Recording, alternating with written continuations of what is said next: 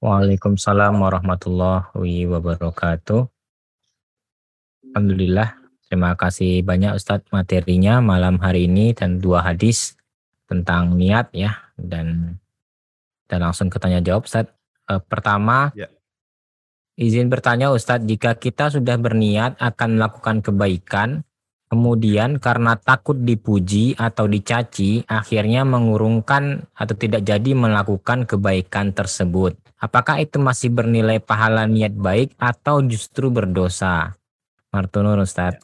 Kalau dosa enggak ya, tetapi sebenarnya berbuat ikhlas itu perlu latihan, ya perlu latihan.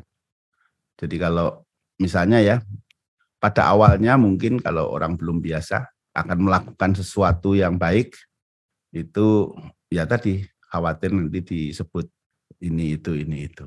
Nah, pas seperti itu udah kerjakan saja. Yang tahu hati kita kan kita. Kalau memang niat kita itu lurus karena Allah ya terus saja berjalan.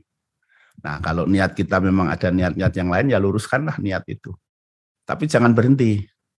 Karena kalau kita tidak melangkah untuk mencoba melakukan amal-amal soleh, nah ini selamanya tidak akan melakukan sesuatu.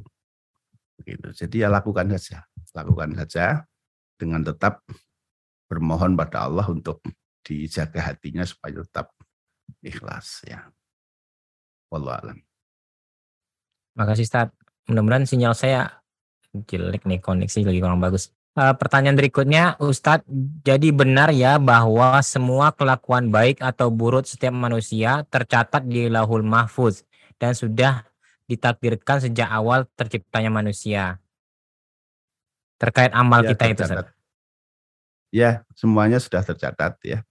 Tetapi bab tentang takdir nanti kita bahas tersendiri ya supaya tidak salah paham seolah-olah orang berbuat buruk itu karena sudah ditakdirkan dia berbuat buruk, orang berbuat baik karena ditakdirkan orang berbuat baik.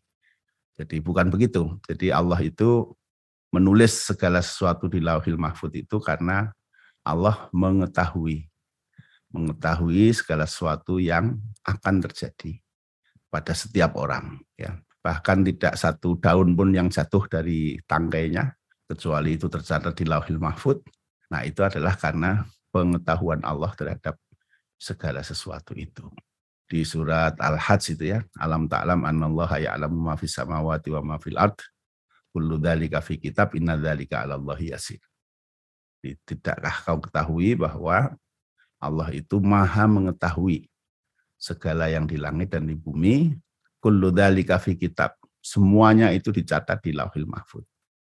Inna dzalika 'ala Allahi yasir dan mengetahui segala hal yang terjadi ini bagi Allah adalah sesuatu yang mudah gitu.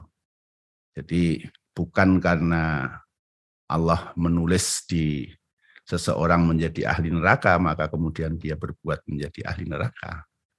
Bukan begitu tetapi karena Allah sudah tahu bahwa si fulan itu nanti akan jadi ahli neraka maka tulisan di sana juga sudah sesuai bahwa dia akan jadi ahli neraka.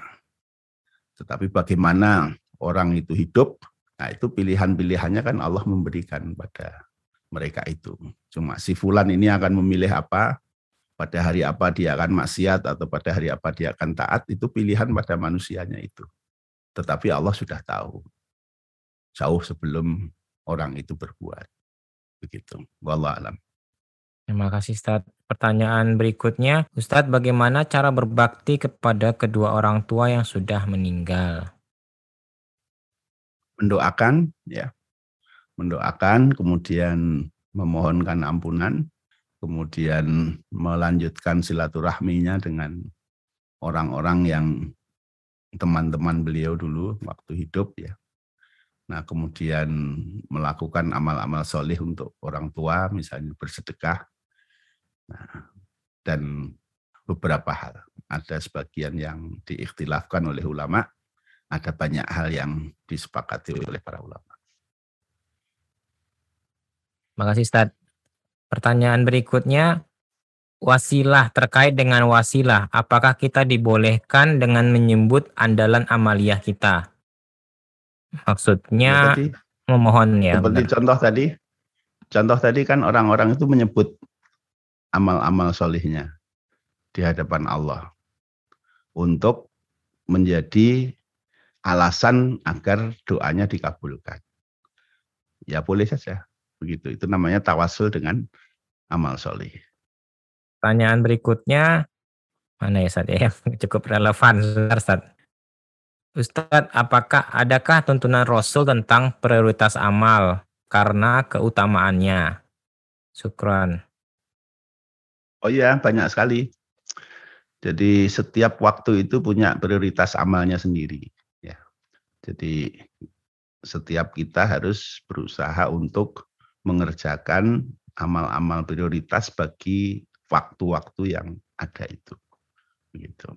Nah ini banyakannya ya, misalnya kalau malam hari saat-saat waktu-waktu lewat tengah malam ya itu ya amal prioritasnya sholat tahajud istighfar begitu ya jadi mungkin bisa juga ada amal soleh yang lain. Nah tetapi waktu itu adalah prioritasnya untuk itu. Misalnya saat habis sholat subuh ya ya prioritas amalnya apa gitu. Nah, masing-masing orang bisa berbeda-beda sesuai dengan kondisinya masing-masing ya. Misalnya seorang yang menjadi orang yang bekerja ya, mencari nafkah atau bekerja di kantor atau apa, kalau jam 8, jam 9 itu ya sholat duha itu bagus. Baca Quran bagus.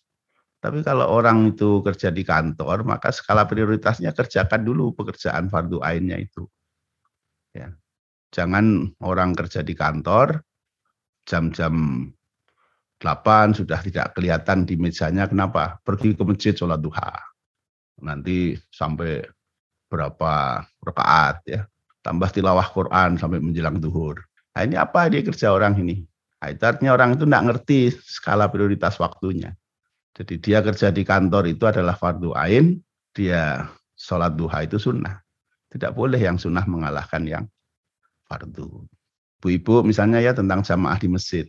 Ibu-ibu itu bukan dilarang jamaah di masjid. Tapi kalau ibu-ibu punya tanggung jawab fardu ain di rumah, ngurusi anak-anak kecil yang masih mau sekolah ya dan lain-lain, jangan subuhan pergi ke masjid nanti terus zikir sampai terbit matahari, nunggu 10 menit lagi sholat dua rakaat, sholat suruk ya.